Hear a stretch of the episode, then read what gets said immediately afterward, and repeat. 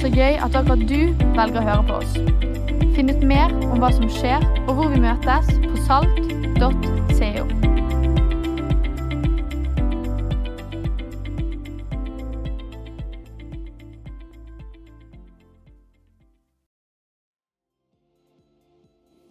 Jeg er helt enig med Siri Kalvatn i at det er et veldig litt sånn spesielt ord, det der disippel.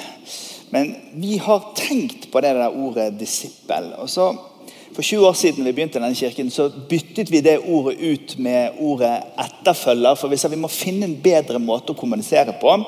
Og kanskje mer tidligere enn nå var vi opptatt av at de ordene vi bruker, de må kommunisere veldig godt. Men så har vi skjønt over året at det er noen ord som faktisk er litt grann meningsbærende på en annen måte enn de ordene som vi velger i det moderne språket. Derfor så tør vi i løpet av den måneden vi nå går inn i, og så børste litt grann støvet av noen av de ordene som kan virke litt grann veldig bibelspråkete eller gammeldagse for noen, og så se om det er noe vi kan ha oversett i vekslingen her. så Derfor så er det vi legger vekt på det ordet 'disippel' i en periode framover. Eh, det er fantastisk å få lov til å lede kristen menighet. Og det er fantastisk å få lov til å måtte håndtere de ulike utfordringene som dukker opp. Og De siste tre årene så har vi hatt mer enn nok av det. Vi har virkelig en klar opplevelse av at eh, det som skjedde i pandemien, det var en ganske alvorlig greie for veldig mange. Mange snakket i begynnelsen av pandemien ja, nå kommer alle til å sitte hjemme og lese Bibelen, og alle får liksom fred med seg sjøl og, og, liksom finner seg sjøl. Men jeg vet ikke hva vi har funnet i denne pandemien. Eh, og så opplever vi nå at nå det har gått eh, litt sånn tid da, fra februar og så frem til nå. Vi har en fantastisk konferanse her i menigheten for eh, 14 dager siden. og Nå er vi inne i høstferieuken. Men vi, vi, ser nå at vi begynner sakte å komme liksom, i hakk igjen. Og jeg håper og tror og jeg virkelig har Det er en del av toppen av bønnelista mi at liksom, Herre, må du må du ta vare på din menighet. Må de som følger Jesus i dette landet, velge å oppsøke sin lokale menighet, sitt kristne fellesskap, den smågruppen de er en del av, den søndagsskoleklassen eller den ungdomsklubben. Fordi det er nemlig i de miljøene vi befinner oss, at troen vår på mange måter blir levende. Tro og livssyn er et sosialt fenomen på mange måter. Det er ikke bare det, men tro og livssyn det er noe som skjer i relasjonelle fellesskap. og Det skal vi snakke litt om. Jesus vet du, han var jo her for 2000 år siden, og det var en helt annen tid og en helt annen kultur enn den vi er i nå. Når vi tenker på det å lære, så tenker vi at læring skjer i all hovedsak i et klasserom hvor vi får en informasjon som gjør at vi intellektuelt sett griper det som skjer. Nå er det variasjoner i læring, men læremåten vår i dag er ganske annerledes fra den måten Jesus opplevde at hans far Josef lærte han opp i snekkerverkstedet. Snekkerverkstedet til Josef var nok et helt vanlig sånn, det var en høvlebenk, og det var noe hammere og det var noe, noe sånne pussepapir. eller et eller annet. Og da var det sånn at Josef han sto der med lille, lille Jesus og så sa han, se nå, jeg gjør, og så ser du på mens jeg gjør det. Og så skal vi snakke sammen om det som faktisk skjer her. Hvis vi får det opp på veggen bak meg, så kan dere se. Jeg gjør altså, jeg høvler litt her, og så ser du på når jeg høvler, og så skal jeg forklare deg hvordan vi høvler bjørk i forhold til hvordan vi høvler furu. Og Så går man et steg videre, og så sier Josef til Jesus at nå, nå, skal jeg høvle, men du skal sette sammen de ulike elementene. Du skal altså hjelpe til, og så skal vi snakke om det. Og Etter en stund så vekslet de på det. Så var det Jesus som skulle få lov til å høvle, og så var det Josef som skulle da hjelpe til. Og så Etter en stund så skulle Jesus klare alt dette selv, og så skulle Josef stå og se på, og så skulle han gå og gjøre det til noen andre. Lærlingekulturen i et hebraisk verdensbilde og i en hebraisk pedagogikk ganske annerledes enn hvordan vi lærer ting fra oss nå i dag.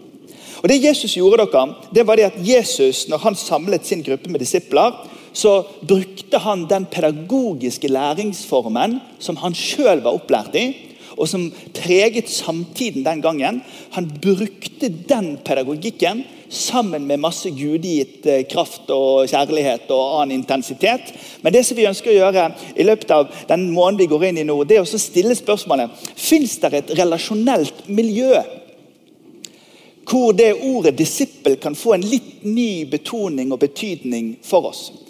For Hvis vi ser på kirken i dag, så i den vestlige verden, så er det dessverre slik at veldig mange av dem som tror, dem som er aktive kristne, vi kommer til visse eh, religiøse handlinger hvor vi sitter litt på denne måten som vi gjør her nå. Og så blir vi slike som tar til oss kunnskap i vårt hode. Og så er det nok noen polletter som går ned i hjertet, men vi er veldig lite til stede der hvor det skal ut i hendene og føttene.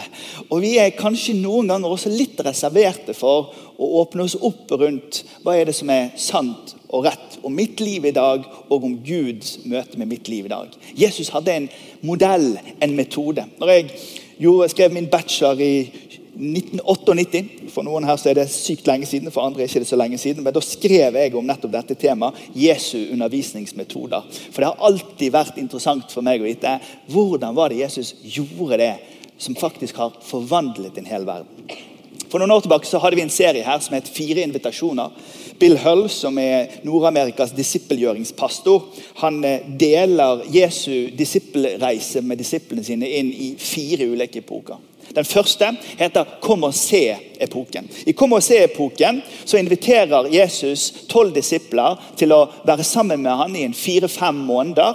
Han inviterer dem til en lett overgivelse. Han sier at nå blir dere litt våt på beina her, nå får dere litt utfordringer. Og etter han var ferdig med å ha de med i Kom og se-perioden, så sendte han de hjem igjen. Og Så fisket de litt og gjorde litt sånn tolling og ting som de syslet med. Og Så kom han til de igjen og kalte de en gang til i et andre stadie. Da var det 'kom og følg meg'. Den perioden den varte i 10-12 måneder. Det var tolv disipler, og så var det av og til noen kvinner rundt der og noen andre menn. Så de var nok flere, men det er de tolv vi blir mest kjent med. I 10-12 måneder så lærte Jesus disiplene opp til dette er et kristent fellesskap. Dette er bønn. Sånn er det Guds ord fungerer. Og slik er det dere kan gjøre tjeneste overfor andre mennesker. Så går vi over i neste fase, som er den tredje perioden. og Det er 'Kom og vær med meg'-perioden. Den varte i 20 måneder. Da underviste Jesus disiplene veldig veldig tett på om at når jeg er ferdig her, så er det dere som skal gi det videre. Når dette er over, ja, så må dere be bønnene uten å se på meg.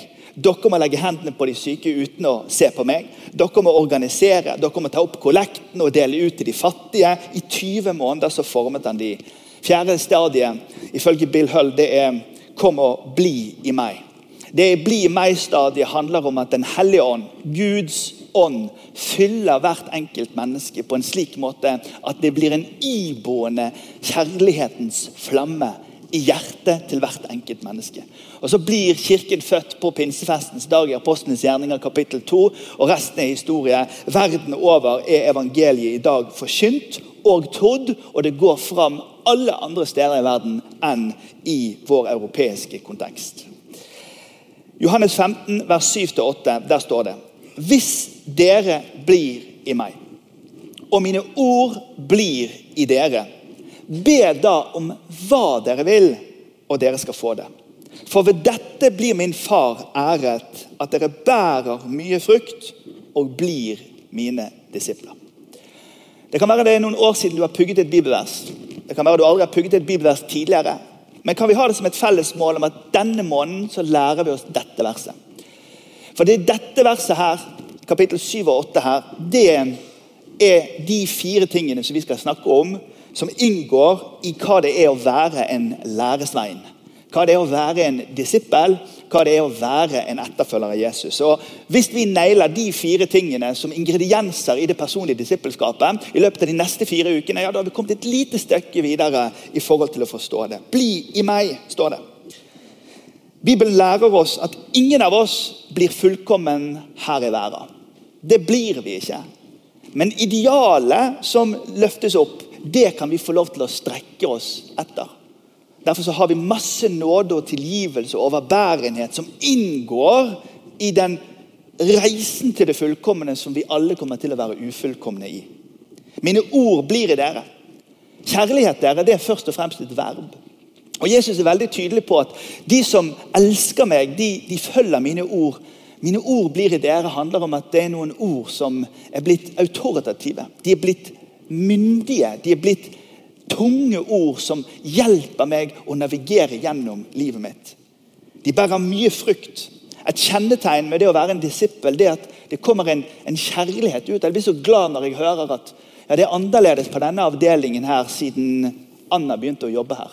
Ja, Det er annerledes på denne arbeidsplassen her siden Roger ble sjefen her. Vet du, Jeg er overbevist om at eh, den kristne troen slår ut i åndens frukter som gjør at det merkes rundt oss at Guds rike kommer nær. Blir min far æret? Og Da snakker jeg ikke her i denne teksten om, eh, da, da står det ikke i denne teksten her om lovsangen eller tilbedelsen. Men ser du sammenhengen her? Gud han får ære han om du og jeg er disipler. Derfor kan jeg ikke som ansvarlig pastor ansvarlig for undervisningen her, eh, selv om det ordet kan være litt arkaisk og litt eh, gammeldags for noen, jeg kan ikke snike meg unna det faktum at hovedmålet for det Jesus har bedt oss om å gjøre i verden, det er å gjøre disipler. Og disipler, dere, det gjøres i relasjonelle miljøer. Og De relasjonelle miljøene de har Jesus vist oss en pekepinn til i måten han agerte på. og det er det vi skal snakke om her i dag. Hva var det som kjennetegnet det relasjonelle miljøet som Jesus skapte? Som gjorde at nettopp disippelskap ble resultatet. Og Mens du lytter til dette budskapet, så håper jeg at du kan tenke på, på din familie.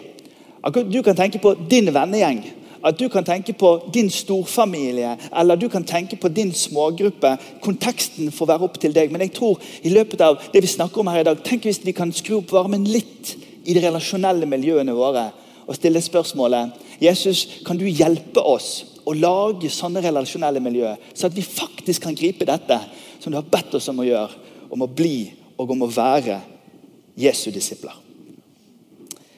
Johannes 1.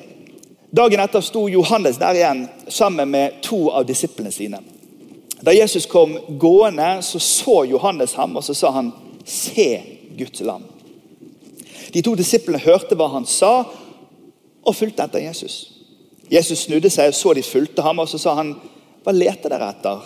Og De svarte, 'Rabbi, hvor bor du?' Rabbi betyr lærer. 'Kom og se', sa Jesus. De gikk da med han og så hvor han bodde, og de ble hos han den dagen. Det var omkring den tiende time.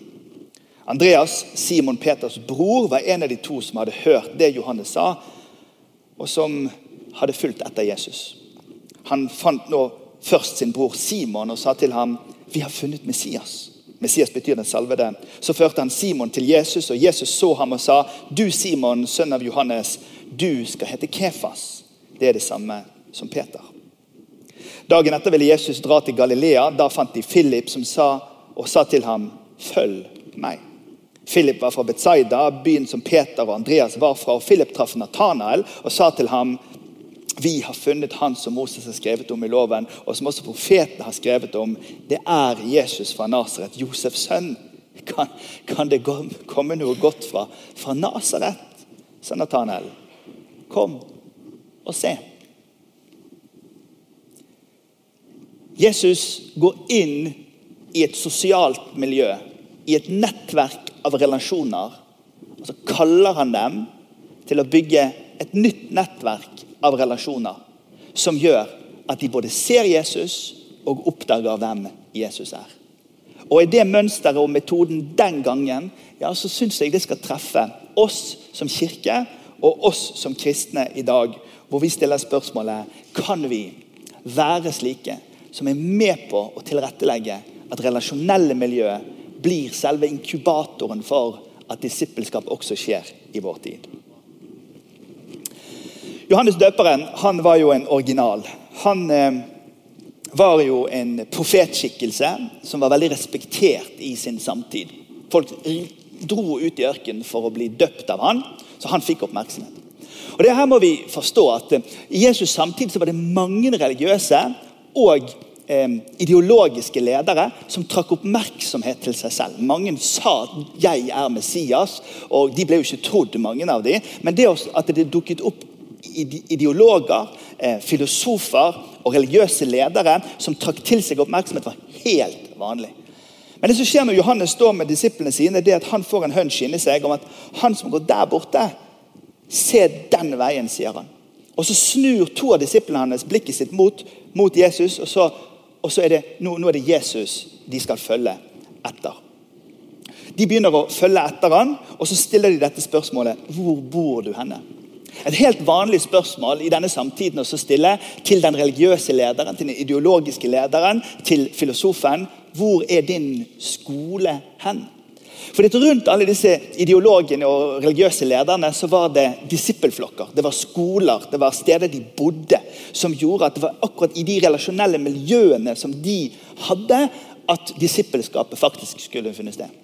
Essenerne var en sånn gruppe. Eh, Sadukeerne var en sånn gruppe. Eh, Komrankommuniteten var en sånn gruppe. Kynikerne som ikke var religiøse, med filosofer, de var på denne måten. Så de var vant til at dukker det opp en lærer, så må vi finne ut hvor han bor. Vi må finne ut hvor hans skole er henne. I 13-årsalderen så gikk jo alle disse disiplene som senere skulle bli Jesu disipler, de gikk på Tentro. Eh, eller Tenn bibelskolen, eller på konfirmasjonen, eller på Komfen. eller I 13-14-årsalderen så er vi veldig åpne for sånne religiøse signal. Så Gjennom tusenvis av år så har det vært akkurat det som er året. Og En eh, jødisk gutt ville gått på Komfen i 13-14-årsalderen pugget store deler av Mosebøkene. Og De skarpeste av de kidsa de fikk lov til å være med på rabbinerskolen etterpå. Og De som kom øverst i klassen, de ble innrullert i rabbinerskolen. Og de ble da sånne disipler. De som ikke var gode nok, de ble sendt tilbake inn til å bli fiskere og bønder. og holde på med sine ting. Så det var en utvelgelse inni systemet av at de flinkeste de får være med videre. Og Så kommer Jesus til fiskere og til tollere og til folk som ikke på noen som helst måte er øverst i klassen. Og så sier han til dem, 'Følg meg'. Sånn som han gjør til deg og meg. Vi som i vår ufullkommenhet vaser litt og tviler litt og er ukonsentrert og lurer på hvor veien går videre. Jesus strekker ut en hånd helt sånn systematisk, og så sier han bare Det er aldri for sent, altså. Kom, følg meg. Rabbinerskolene på den tiden når Jesus var her, de hadde eh, fem viktige ingredienser som inngikk i det å være, være, være, på den skolen. Og Jeg ramser de opp nå, så kommer det på veggen her om en liten stund. Men jeg sier det først, hvordan rabbinerskolen fungerte. Disippelen skulle underordne seg sin lærer. Disippelen skulle pugge og memorisere sin lærer sine ord. Disippelen skulle lære mesterens måte å gjøre tjeneste på. Disippelen skulle imitere læreren sitt liv. og Disippelen var forventet å finne sine egne disipler etterpå og fortsette i den tradisjonen han var opplært i. Så dette som eh, de kjenner i samtiden sin, det er det som Jesus klikker inn i når han sier 'Kom og se'. Kom og følg meg. Kom og vær med meg. Kom og bli i meg. Og i tre år dere, så brukte Jesus mer enn halvparten av tiden sin. Den brukte han sammen med de tolv. I vår kirkelige sammenheng så fyker vi rundt og holder taler og reiser rundt omkring. Men, men vet du, Jesus han, han, viste at det store, det er i det lille. Det er i det lille og prioriteringen av den tette relasjonelle nettverket her det er der disippelskapet faktisk formes. Så han brukte mer enn halvparten av tiden sin med de tolv. Fordi det er i de tette og nære relasjonene at disippelskapet faktisk kan skje. Så Etter tre år så skal han gjøre opp status, han skal logge av, og så sier han til sine disipler Men dere skal ikke la noen kalle dere rabbi, for én er mesteren deres. Og dere er alle søsken. Og dere skal ikke kalle noen her på jorden far, for én er deres far, han som er i himmelen. La heller ikke noen kalle dere for lærere, for dere har én lærer, Kristus. Den største blant dere skal være tjeneren deres. Den som setter seg selv høyt, skal settes lavt, og den som setter seg selv lavt, skal settes høyt. Og Det Jesus gjør her, det er at han tar tak i grunnprinsippene i rabbinerskolen, og så legger han på en twist som gjør at det relasjonelle miljøet skal preges av at Jesus er Herre. Han sier en disippel skal formes av en leder som følger Jesus.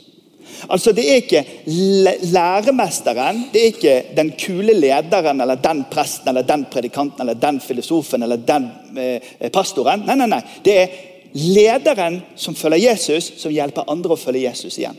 En liten twist i det. For noen år siden så eh, hadde vi et gryende sånn studentopprør her i kirken.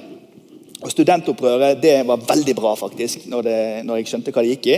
Det var en ung, smart fyr som sa til meg jeg gidder ikke å gå i smågrupper lenger. Jeg er så lei av å sitte rundt et bord og gi alle de kristne svarene. Når er det vi skal snakke sant om livet? Og jeg bare sa du har helt rett. For vi er et produkt av den tiden vi lever i. Det er bare så mye lettere å legge inn en buffer mellom det som er helt sant, og det som jeg ønsker å framstå som. Og så snakker vi om det vi skal framstå som, istedenfor å snakke om det som er sant. Det Jesus gjorde når han bygde et tett relasjonelt nettverk, det var det at han laget et trygt nok rom for at vi kan snakke sant om sånn som livet. Oppe i Røldal her inne så var det en liten gruppe som dro til Amerika for de ble forfulgt. De het kvekere. Og Kvekerne de bosatte seg i Iowa, og de er en veldig sånn åndelig tradisjon. og De kaller smågruppen for Klarhetskomiteen. Jeg er med i noen sånne grupper. På onsdag var jeg med en gruppe med litt sånne voksne menn som er mer erfarne enn meg. Og et helt trygt rom. Og eh, hver gang jeg går fra det rommet, for å være med de sånn fire-fem ganger i året, så går jeg med mer klarhet, mer trygghet, selv om jeg har tørt å være mer åpen enn jeg er mange steder. For det er noe som skjer når vi tør å være ydmyke og åpne om det som er sant i livet. Da slipper også Gud inn for å vise seg for det som han er i stand til å gjøre for våre liv. Jesus tvister punkt nummer to i rabbinerskolen over og sier at disippelen skal ikke lære lederens ord, men han skal lære Jesu ord. Det som er annerledes med Jesu ord, er at Jesu ord de forvandler livene våre. Det er ingen av oss som skal sette oss ned og pugge hva en eller annen filosof eller en lærer eller en predikant har sagt. Men Jesus sier at det er hans ord som skal læres i en disippelgruppe. En disippel lærer Jesu måte å tjene på. Og Jeg syns så synd i folk i den vestlige verden som har blitt indoktrinert med ideen om at det er bare det synlige og vitenskapelig beviselige som er det som er sant her i verden. For det er ikke det som er sant her i verden. Guds kraft kan gripe inn og helbrede den syke. Guds lys kan bli kastet over en vrangforestilling, så at det kan bli klarhet. Gud er en Gud som svarer på bønn og virker med oss i livene våre. Dette lærte de rundt Jesus. Men det de også lærte rundt Jesus, det var en måte å tjene de marginaliserte på. De som er utenfor. Det de også lærte hos Jesus, det var eh, at eh, samtale er kanskje den beste formen for, læring, eh, for at læring kan finne sted. Vet du at Det står 16 ganger undervist i Jesus. 20 ganger proklamerte han. 22 ganger forkynte han, men 303 ganger så spurte Jesus spørsmål. Og 144 ganger så svarte han. Hvorfor? Jo, fordi at Jesus gikk i dialog med menneskenes liv og utgangspunkt. Og På den måten så var han i stand til å gi Guds rikes hemmeligheter til de som var rundt. En disippel lærer seg Jesu måte å tjene på. En disippel imiterer Jesus sitt liv og Jesus sine karakterer. Vi elsker jo Jesus når han eh, går på vannet og metter 5000. Men vi syns han er ganske slitsom når han krangler med de religiøse og det blir stygge overskrifter i avisen. Vi liker ikke så godt når han sier at han skal dø og bli hengt opp på et kors. Jesus sine disipler likte sider ved han, men det var helt dramatiske sider ved han som de ikke likte. Men alt dette inngår i åndelig forming. Det er det Paulus sier når han sier til galaterne at med smerte må jeg forme dere igjen. Så mye jeg har lært i min Jesus-etterfølge, så har jeg lært på de kjipe stedene.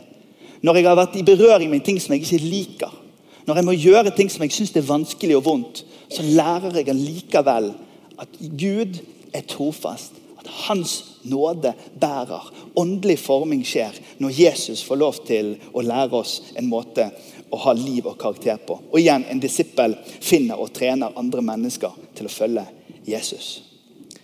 Traff nylig en pastor i pinsebevegelsen i Norge her som har årspermisjon fordi at eh, denne sikkerhetssituasjonen som landet vårt befinner oss i, gjør at han ble hentet inn for å gjøre en del kurs og sånn, i en etat en plass i Norge.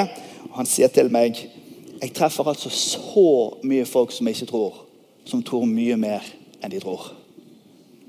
Å være en disippel handler om å bygge denne broen til tro til de andre.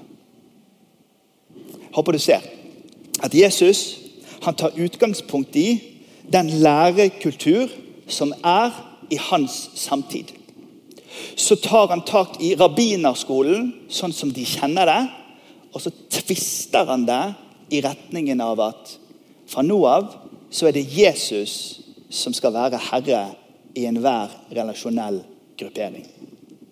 Der hvor to og tre er samlet, er jeg midt iblant dere.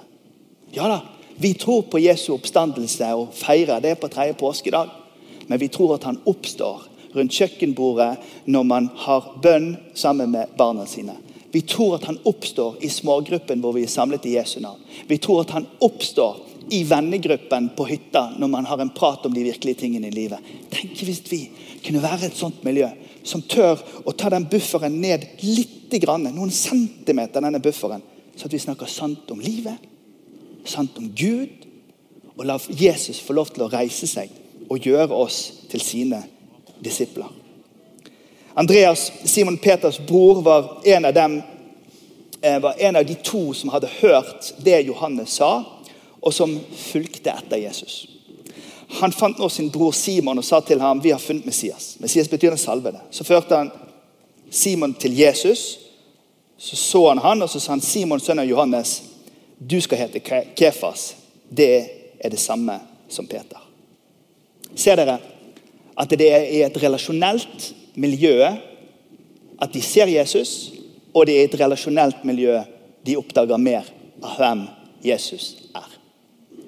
Religionssosiologi er et fag, og det berører denne typen ting. Tro det er noe vi griper i fellesskapet av de mange. Men det er ikke bare her i det synlige og sosiale at det skjer.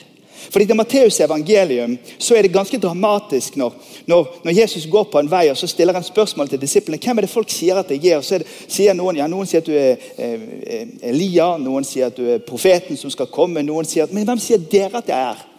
Og Da sier, da sier Peter noe. Peter er jo fra Bergen. En disippel fra Bergen. Snakker først, snakker høyest, snakker tydeligst. Det spiller ingen rolle om det regner. Vi går på vannet. Peter sier, 'Du er Messias, den levende Guds sønn'. Da sier Jesus På klippen av din bekjennelse Dette har ikke, dette har ikke du kommet på av deg sjøl. Dette har Gud vist deg, sier han. Dette har du, dette har ikke du lest i en bok. du har ikke tenkt det. Dette har Gud vist deg.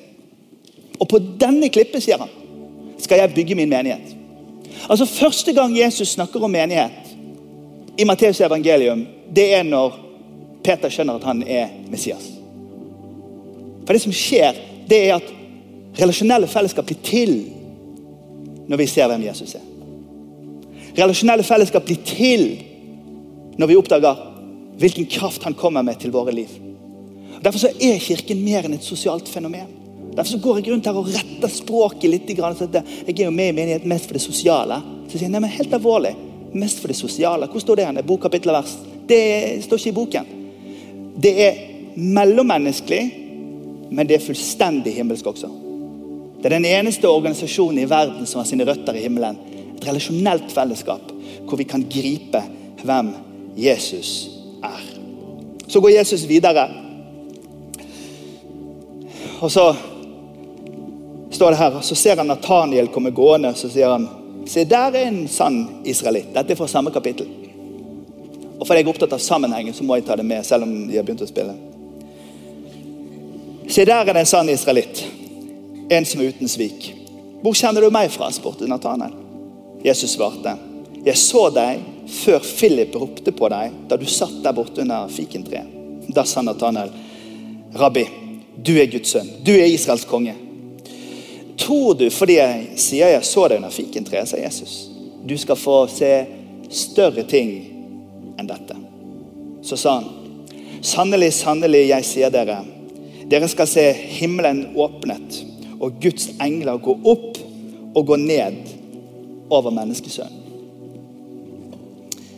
Vi vet ikke hva Nathanael tenkte på under det treet.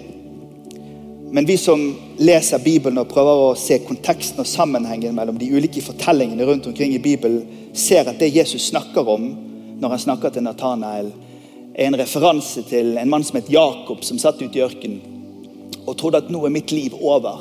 Gud har forlatt meg, og alt er slutt.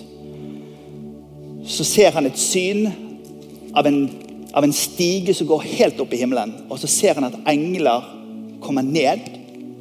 Og så kaller han det stedet for Betel, himmelens port.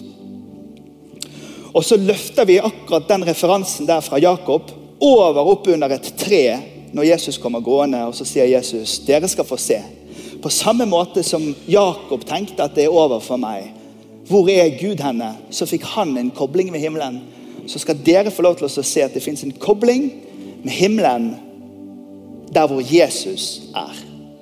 Dere skal få se himmelen åpne seg. Gud får i denne teksten en adresse i verden. Gud får i denne teksten et navn, et sted, som du og jeg kan henvende oss til når vi skal komme i berøring med det himmelske. Det er derfor det er så utrolig viktig at ikke vi roter oss vekk i kirken og blir kulturkirke, sangkirke, tradisjonskirke, speiderkirke eller et eller annet type kirke. Vi må være en Jesuskirke. Vi må passe på at vi holder oss på det fokuset som Jesus har bedt oss om å gjøre. Gjør disipler. Kjenner Jesus. Læresveiner av Jesus. Etterfølgere av Jesus. Men gjør det i et relasjonelt miljø som er tett nok, og som er åpent nok, og trygt nok og varmt nok til at det blir en adresse for mennesker som ber kjære Gud, må du helbrede min kusine på 18 år som er syk. Jesus, nå kommer vi til deg i tro på at du, Jesus, er sterk nok til å helbrede. Vi ber i Jesu navn. For det, dere, om vi kommer oss dit i den tiden vi lever i, ja, da styrker vi det grunnleggende kristne fellesskapet. Og her er både et stort drama og en krise, og Her er også en liten korrigering som jeg gir oss inn i den neste måneden og inn mot neste år. Vi må løfte opp hva det vil si å være en etterfølger av Jesus. Og så må vi se om hans modell utfordrer oss til at det kan bli litt mer treffsikkert. La oss reise oss opp og be sammen. Herre, vi takker deg for at du er trofast imot din kirke og imot ditt folk i verden, Herre. Og Herre, vi tror at sånn som du gjorde, sånn kan vi også i vår sammenheng og i vår kultur få lov til å gjøre i dag. Herre, takk for Norge i dag. Takk for kirken i Norge i dag. Takk for ditt folk i landet vårt, Herre. Og vi ber deg, Herre, alt det som vi har lært i vår kultur, om, som noen ganger er både tanketungt og klasseromsorientert og ansattorientert og forkynnerorientert. Herre, korriger oss nå, alle sammen. Så at ikke vi blir en disippelflokk i programmer eller på kurs, men at vi i sannhet kan være et grunnleggende kristent fellesskap hvor vi er åpne og ærlige nok til å slippe deg til. Herre, du har kalt oss til å være disipler, og du har kalt oss til å gjøre disipler. Og Jeg ber for oss nå inn mot den måneden vi nå går inn i, at du skal, du skal hjelpe oss å tenke klarere. Og du skal hjelpe oss til å handle tydelig for å se her om vi kan nærme oss litt mer det du har kalt oss til å være. Dette ber vi om i navnet Jesus Kristus. Amen.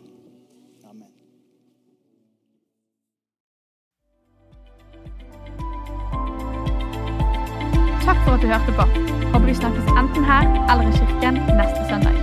Ha en nydelig uke.